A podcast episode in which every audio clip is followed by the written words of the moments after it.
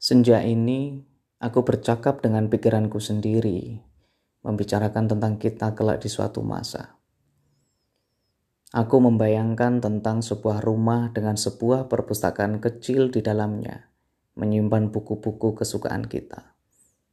Di mana karya Hairil, W.S. Rendra, Saparti, Putu Wijaya, Pramudia Anantatur, Seno Gumiro Aji Dharma, Khalil Gibran, Andre Aksana, Joko Pinurbo dan lainnya akan memenuhi setiap rak-raknya.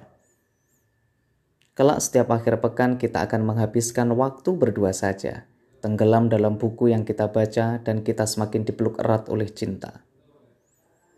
Kelak kita akan melewati malam-malam yang dipenuhi tawa saat kau menyanyikan lagu-lagu kita dan aku menyiapkan secangkir kopi hangat di meja.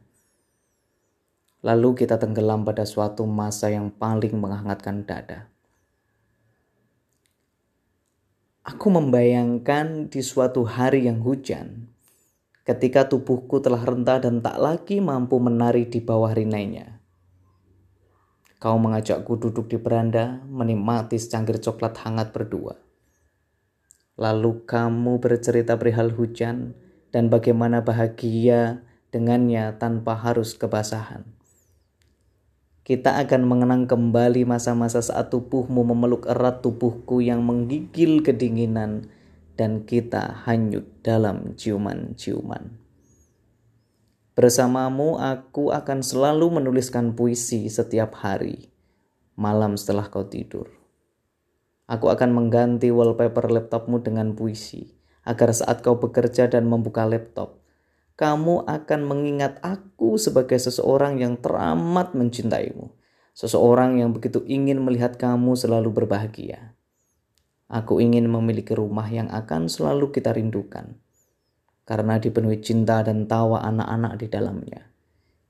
Agar saat kita jauh, kita tidak akan pernah berpikir untuk menjauh.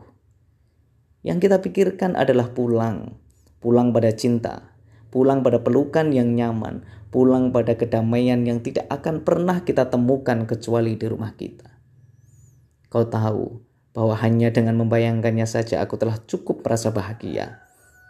Aku telah cukup merasa memilikimu dalam sekeluruhku.